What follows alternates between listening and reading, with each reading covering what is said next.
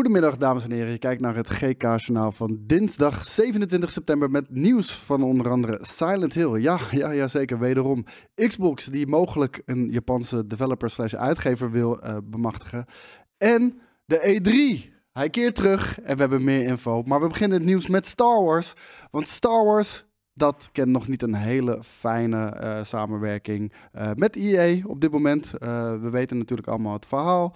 EA heeft de licentie destijds gekocht in 2013. Mocht tien jaar lang Star Wars games maken. Daar is niet heel veel van terechtgekomen. wij kennen natuurlijk Star Wars Battlefront 1. Wat niet een hele goede game was. we kennen Star Wars Battlefront 2. Wat een rampzalige launch kende maar uiteindelijk toch wel werd gered voordat ineens plots toch de stekker eruit werd getrokken op het moment dat de game op zijn allerhoogste populariteit zat. En uh, Star Wars Jedi Fallen Order. Ik denk toch wel um, de vlekkeloze game nog op dit moment. De game die is uitgebracht en onlangs uh, door alles en iedereen is bejubeld. Maar Disney heeft nu uh, laten weten dat het meer wil. Meer, meer, meer. En dat was dan ook de grootste frustratie van Disney met EA. Ze hadden gedacht dat wanneer ze zaken zouden doen met EA, een van de allergrootste uitgevers, dat het dat het Star Wars games zou gaan regenen. Uh, nou, het tegendeel bleek waar te zijn, uiteraard. Uh, er is flink wat misgegaan. Er zijn games gecanceld natuurlijk ook. en nu verloopt dan eigenlijk na tien jaar die licentie en mogen ook andere studio's uh, aan de slag met Star Wars. Nou, we weten natuurlijk dat uh, twee jaar geleden is dat volgens mij alweer dat Ubisoft Massive een, uh, een, Star Wars game aankondigde. Dat was bijzonder, want dat was nog tijdens, uh, tijdens de exclusiviteitslicentie met EA. Uh, maar ik zei destijds ook al, deze game komt waarschijnlijk pas na 2023 of in 23, 2023 ergens. En um, dan gaat het ook geen problemen opleveren. Maar Disney heeft nu laten weten dat ze meer willen. Meer, meer, meer, meer. En dat betekent elke zes maanden moet er een Star Wars game gaan verschijnen. En um, elke zes maanden, dat houdt in dat er um, één keer per jaar een grote, grote AAA-titel moet gaan verschijnen. En uh, ook één keer per jaar een iets kleinere titel, uh, misschien double A. En um, dat die twee elkaar moeten gaan versterken. Want massa is kassa, volgens Disney. Dat is natuurlijk uh, het, de filosofie van House of the Mouse. En um, of dat goed nieuws is, ik weet niet. Ik ben er bang voor, man. Ik denk zeker ook wanneer je ziet hoe Disney Plus op dit moment gerund wordt. En dat wanneer toch eh, iets ontstaat waarbij er om de zoveel tijd bepaalde content moet komen, dat dat gewoon de kwaliteit van de content niet te goede komt. We hebben het gezien in tv-shows van Star Wars. En alles moet maar blijven runnen om natuurlijk subscriptions te kunnen blijven verkopen en dat mensen niet op gaan zeggen. Um, nou, nu ligt dat in, in gaming natuurlijk wat anders. Maar uh, wanneer er zoveel Star Wars games uh, gaan uitkomen op een gegeven moment, je krijgt natuurlijk met vermoeidheid te maken. Uh, en, en, en dat de kwaliteit wellicht misschien ook achteruit holt. Want het is niet een goed idee wat ervoor heeft gezorgd dat, dat er een Star Wars game gaat komen. Maar het is een release schedule. Iedere zes maanden moet er gewoon een Star Wars game komen. En dat is aan de developer om dat voor elkaar te boksen. Nou, welke, welke Star Wars games zijn er dan op dit moment in, in development? Dat zijn er acht. En uh, de eerste is Amy Hennigs game van Skydance Media. Dat, uh, dat gaat waarschijnlijk een Uncharted-stijl game worden. We weten er nog niet zo heel erg veel van. Um, dus ja, daar gaan we ook niet lang over uitweiden. Uh, een FPS, een Untitled FPS van Respawn Entertainment. Respawn Entertainment heeft een aantal Star Wars projecten onder zich. Waaronder natuurlijk Jedi Fallen Order, Jedi Survivor, moet ik zeggen. Quantic Dream die is bezig met Star Wars Eclipse. En uh, dat schijnt een ware development hell te zijn. Uh, zo enorm dat de schaal van dit project eigenlijk niet matcht met de engine van Quantic Dream. En dat dat enorme problemen oplevert. Volgens geruchten gaat deze game dan ook pas in 2026 uitkomen. En uh, dat is behoorlijk laat. Zeker ook wanneer je weet dat deze game volgens mij al twee jaar geleden is, is aangekondigd. Via deze ongelooflijk vette trailer. Moeten we nog heel even op wachten dus. Een andere game die uh, behoorlijk wat ontwikkelingsproblemen kent. Dat is uh, Night of the Old Republic, de remake, die uh, voor, voorheen vooralsnog exclusief op PlayStation 5 en PC moet uitkomen. Mogelijk later natuurlijk een Xbox release, want wellicht is het timed. Maar ook deze game kent in de ontwikkeling heel veel problemen. Het is een remake van het origineel uit 2001, wat wat mij betreft een van de beste games aller tijden is. Ehm, werd gemaakt door Aspire Media. Aspire Media is, uh, is een ontwikkelaar die veel, veelal mobile games maakt. Ook verantwoordelijk is voor de ports van, uh, van bijvoorbeeld Knights of the Old Republic naar iOS en Android. waren best wel wat problemen mee. Ik had al het, gelijk het idee dat dit project veel, veel te groot is voor, uh, voor, voor, voor, voor hun legacy in ieder geval, hun portfolio. Uh, dat is ook zo gebleken, want bij de eerste grote testbeeld die ze moesten laten tonen aan onder andere Lucasfilm Games, de twee verantwoordelijke managers zijn de deur uitgezet en uh, is ook dit, dit project is naar een andere ontwikkelaar gegaan, namelijk die van Saber Interactive. Dan hebben we nog de, de open world game van Ubisoft Massive, waar ik het al eerder over had. Hebben we ook nog niet al te veel van gezien. Uiteraard Jedi Survivor, de Fallen Order sequel van Respawn Entertainment ook. Star Wars Hunters, Hunters, dat is een, een, een mobile game. En um, ja, ik, ik zit er niet echt op te wachten, maar wellicht jij wel. Volgens mij komt die ook naar de Nintendo Switch. Neem het niet kwalijk als ik er daar helemaal naast zit. En dat zou dan zo'n voorbeeld kunnen zijn van een wat kleinere titel ten opzichte van een AAA-titel. En er komt nog een Untitled Strategy game van Respawn Entertainment. En of dat een beetje in, uh, ja, in de spirit gaat zijn van een Galactic Battlegrounds. Uh, wat toch wel best een vette game was destijds. Um, we gaan het zien. Is het een goed of slecht besluit? Dat is natuurlijk altijd de vraag. Dat, dat, dat je toch een mandaat stelt van er moeten om de zes maanden uh, een Star Wars game komen. Ja, wat ik al eerder zei. Ik, ik denk van niet. laat vooral juist de creativiteit vloeien. En als er op dat moment een goed idee is voor Star Wars game, absoluut doen. Maar niet omdat er gewoon per se eentje moet uitkomen. Dan gaan we door naar Xbox. Want de geruchten zwellen weer aan.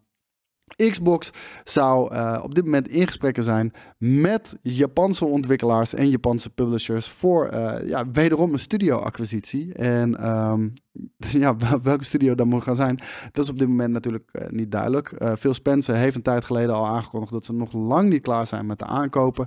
Dat heeft natuurlijk alles te maken ook met Xbox Game Pass. Xbox Game Pass is een subscription service.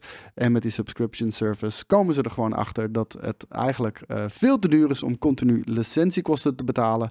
En dat, het, dat je eigenlijk de Netflix approach moet, moet, moet gaan hanteren. En dat betekent zelf content maken met eigen studio's. En dat het op lange termijn beter houdbaar is om zo'n uh, uh, subscription service in leven te houden. Welke, ja, welke uitgevers zouden dat kunnen zijn? Ik heb hier een, eh, een rijtje gekregen van uh, een aantal publishers en uh, van JJ. En ik noem ze gewoon heel even op. Sega zit daarbij. Um, Sega, ik zou het niet ongebruikelijk vinden. Maar um, ik, zie, ik zie niet zo 1, 2, 3 gebeuren. Ze hebben natuurlijk in het verleden al, een, al wel een samenwerking gehad met Xbox. Um, maar daar hoor je over het algemeen niet zo heel veel meer over. Capcom zou fantastisch zijn. Is een, uh, is een geweldige uh, uitgever op dit moment.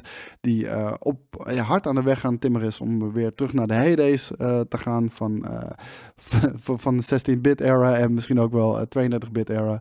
daar waren ze natuurlijk heer en meester. En, en ook trouwens de latere generaties op zich ook nog wel. De, ja, de teruggang is pas echt ingezet rond het PlayStation 3, PlayStation 4 tijdperk. Uh, de Resident Evil serie is, uh, is weer terug en het scoort ontzettend goed. Maar ze hebben natuurlijk nog veel meer in kas. Koei zou dat uh, natuurlijk kunnen zijn. Konami is een, uh, is een hele interessante. Konami, uh, nou we kennen natuurlijk allemaal wel het verhaal van Konami. De, de hele gaming-industrie kotsen zo al een beetje uit. Vooral omdat ze zich richten op mobile games, pachinko machines. dat is een goed recht. Ze zijn een business. En als ze daar meer geld uit kunnen halen, dan moeten ze dat vooral doen. Maar gamer hartjes, die bloeden een beetje. Vooral omdat ze zoveel fucking vette IP's onder hun hoede hebben. En wellicht dat daar bijvoorbeeld een samenwerking met Xbox daarbij zou kunnen helpen. Laten we niet vergeten, een van de allervetste game series aller tijden, Metal Gear Solid, is ook gewoon nog steeds van Konami. Bandai Namco en Square Enix. Square Enix ja, uh, we hebben natuurlijk al in het verleden ook aardig wat Square Enix titels naar Xbox Game Pass zien uh, komen. Überhaupt naar het Xbox platform. Uh, al verwacht ik niet zozeer dat, dat, dat, dat dat wel heel snel gaat gebeuren. Ik zie het nog steeds. Square Enix. Ze hebben ooit natuurlijk de overstap gemaakt van Nintendo naar PlayStation. Maar ik zie ze toch nog steeds meer gelieerd zijn aan PlayStation, uh, Japanse console. Uh, we zien het ook natuurlijk met de Final Fantasy 7 remake games die er op dit moment zijn. Nog steeds geen Xbox release die eraan zit te komen. Wat best gek is. Het is ongeveer uh, al bijna twee jaar na dato. Als dat het al niet het geval is. Hoe dan ook, we houden het scherp in de gaten. En ik ben zeer benieuwd of daar wat uitkomt. Dan hebben we nog nieuws over Bully 2. Althans, uh, de geruchten gaan dat de hackergroep, uh, die verantwoordelijk is voor onder andere de, de GTA 6 leak, dat die ook vermoeden, vermoedelijke screenshots van Bully 2 heeft gedeeld. En dat wil zeggen dat Bully 2 in ontwikkeling is bij Rockstar. Daar waren natuurlijk al lange geruchten over. En een hele tijd terug was daar natuurlijk al, waren daar natuurlijk al aanwijzingen dat er een Bully sequel in de maak was. Die schijnt geschrapt te zijn. Toen was er in 2017 een development begonnen aan een nieuw bully. En die schijnt nog steeds door te gaan. En daar lijken uh, deze screenshots van vandaan te komen. De screenshots delen we uiteraard niet. Uh, mochten, deze namelijk legit zijn, dan uh, is dat niet heel erg netjes naar naar Rockstar. Maar natuurlijk wel fijn om te weten dat er mogelijk alsnog een bully aan zit te komen. En uh, deze bully, het zou zich afspelen in de UK. Eh, volgens mij uh, iets, de, de, de, school heet iets met Bull and Valley. Ik, ik kan me best wel naast zitten hoor. Maar het ding zou zijn, je kan in de nabije buurt kan je allerlei parttime jobs opnemen. Je kan wat kattenkwaad uithalen, wat kleine criminaliteit dingetjes. En alles wat bij een bully ervaring hoort. Of die gaat komen, we gaan het zien. De officiële aankondiging laat uiteraard nog op zich wachten. Maar volgens de geruchten is de, is de development die in 2017 is gestart, is nog steeds gaande. Dan de E3, jongens. De E3 hij gaat eindelijk weer gebeuren. Hij gaat eindelijk weer gebeuren dit jaar. En uh, gelukkig ook niet georganiseerd door de ESA. Althans wel georganiseerd door de ESA. Maar in samenwerking met Repop. En ik denk dat dat een fantastische keuze is geweest. Repop is natuurlijk onder andere ook um, ja, verantwoordelijk voor de PAX evenementen. Maar ze brengen ook al gelijk een aantal grote veranderingen voeren ze daarin door. Um, even ter uh, verduidelijking. De E3 is volgend jaar ze hebben een datum gekregen van 13 tot en met 16 juni. Met partner digital events en showcases. Nou, laten we alsjeblieft hopen dat, dat vooral de grote drie, Nintendo, PlayStation en Microsoft daar weer aan gaan meewerken. Uh, ik heb daar een beetje mijn twijfels over. Maar als we het allemaal een beetje in dezelfde week gaan proppen. Bijvoorbeeld Microsoft Theater zit ook heel dichtbij. Uh, sterker nog, het ligt naast uh, de E3 dan, uh, dan vind ik dat ook helemaal prima. Dan kunnen we dat ook gewoon verder gaan doen. Zeker ook wanneer EA Play gewoon weer in Hollywood Palladium plaatsvindt. Allemaal helemaal prima. Maar een van de grote veranderingen is dat ze het evenement opsplitsen in businessdagen en in consumentendagen. En ik denk dat dat toch best wel een uh, hele goede keuze is. Uh, van origine is natuurlijk een, is de E3 een B2B-beurs. Dat is de afgelopen jaren veranderd, omdat ja, vooral de, ja, de, de, de, de vraag en, en, en ook um, ja, de, de, de de manier waarop zoiets belangrijk is uh, in, in, een, een, globale wereld waarbij we een internet hebben en iedereen uh, elkaar makkelijk uh, kan spreken. In hoeverre zo'n B2B business nog belangrijk was. Nou, dat liep wat terug. Daardoor werd het wat meer een consumentenbeurs. Nu krijgen we echt twee dedicated business dagen en twee dedicated consumentendagen. De businessdagen zijn van 13 tot en met 15, sorry, dat zijn drie dagen. En de, de consumentendagen zijn van 15 tot 16. En ik vind het ook wel handig dat ze die twee splitsen, want de B2B aanpak is toch een stuk anders dan een uh, uh, B2C aanpak. En uh, we gaan zien wat de mannen van Repop daar weten van te maken. we hebben hier ook nog een quote van Kaal Marsden Kish van uh, Repop, uiteraard de VP of Gaming. En hij zegt: E3 is one of the global gaming industry's few opportunities to come together, unite as one loud voice and show the world what it is creating. Our vision is to reunite the industry by re-establishing the traditional E3 week, bring back that spark, dat is echt heel erg belangrijk, and restore E3's role as a truly magical global shake, showcase event for game creators and consumers. Uh, mooie woorden natuurlijk, marketingpraat hoort er allemaal bij, uh, maar laten we hopen dat ze het ook waar kunnen gaan maken, want ik heb het altijd gezegd, voor mij blijven de E3-tripjes toch de allermooiste, vooral omdat het en zoals hij het hier ook stelt, voor mij het nog steeds een magisch event is. Wat ik vroeger volgde in de game magazines en tegenwoordig bij mag zijn. Ik, uh, ik ben reuze benieuwd wat het dit jaar gaat brengen. Dan hebben we nog een kleine update over Windows 11. Want Windows 11 die heeft onlangs een nieuwe update gekregen. De Windows 11 22 H2 update. Nou, 22 staat voor 2022. H2 staat voor de tweede helft van het jaar. Um, maar daar gaat Microsoft ook nog veranderingen in brengen. Ze gaan binnenkort ieder kwartaal een kleine update uitbrengen. Maar deze update zorgde voor wat problemen met bepaalde Nvidia kaarten in GeForce Experience. Het zorgde gewoon voor stuttering. Het zorgde voor lag. En dat is natuurlijk iets wat je niet wil. Daarom werd er ook geadviseerd om nog heel even te wachten met, een, uh, met, de, met de Windows 11 update wanneer jij een Nvidia kaart hebt. Maar Nvidia is ten hulp gesprongen met een hotfix. Het uh, bleken wat, uh, wat debug issues te zijn met onder andere de GeForce Experience software. Ze hebben nu een nieuwe beta software uitgebracht. En als het goed is, op, op dit moment is ook al gewoon de full release daarvoor verkrijgbaar. En anders zeer, zeer, zeer binnenkort, deze week nog. En um, daarmee zouden alle problemen verholpen moeten zijn. Uiteraard weten we ook dat natuurlijk de nieuwe 40 uh, RTX 4000 kaarten zijn aangekondigd. Die komen uit op uh, 12 oktober. Dat is de officiële release date. Nog wel een belangrijk dingetje daarvan was een van de hoogtepunten van die presentatie was natuurlijk DLSS 3. 0. En DLSS 3 zorgt voor enorme framerate verbeteringen bij heel veel games.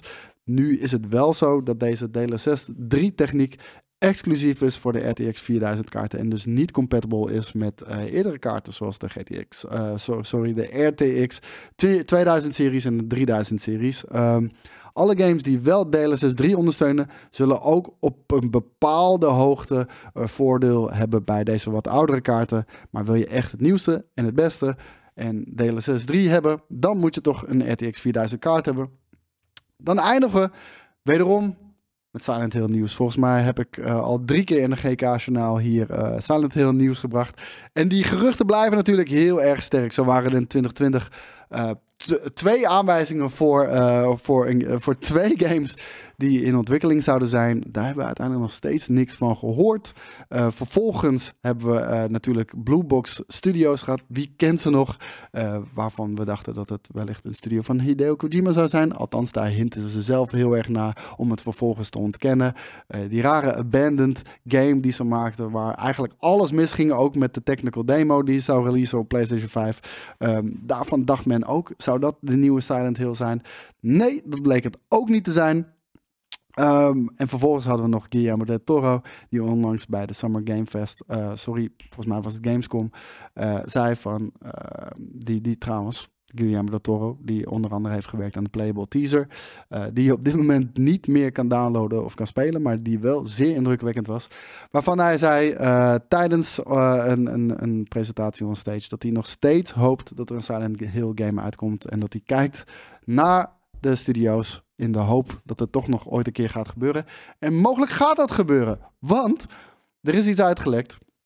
Er is uh, in uh, Korea een rating gegeven aan een game. En die heet Silent Hill The Short Message. Uh, deze is naar het Koreaanse Peggy gegaan. En uh, Peggy, die ken je hier natuurlijk wel, Peggy 18 plus. Zo'n rating heeft de game gekregen in, uh, in Korea. Dat is gedaan door Gematsu. En uh, het ook aangegeven door de publisher, die voornamelijk die games, de Silent Hill games ook in het verleden, heeft gepublished in Korea. Sterke aanwijzing. Deze listing is overigens weer verdwenen, maar er is wel een bevestiging dat dit is gebeurd. Dus we mogen hopelijk weer binnenkort een nieuwe Silent Hill tegemoet zien.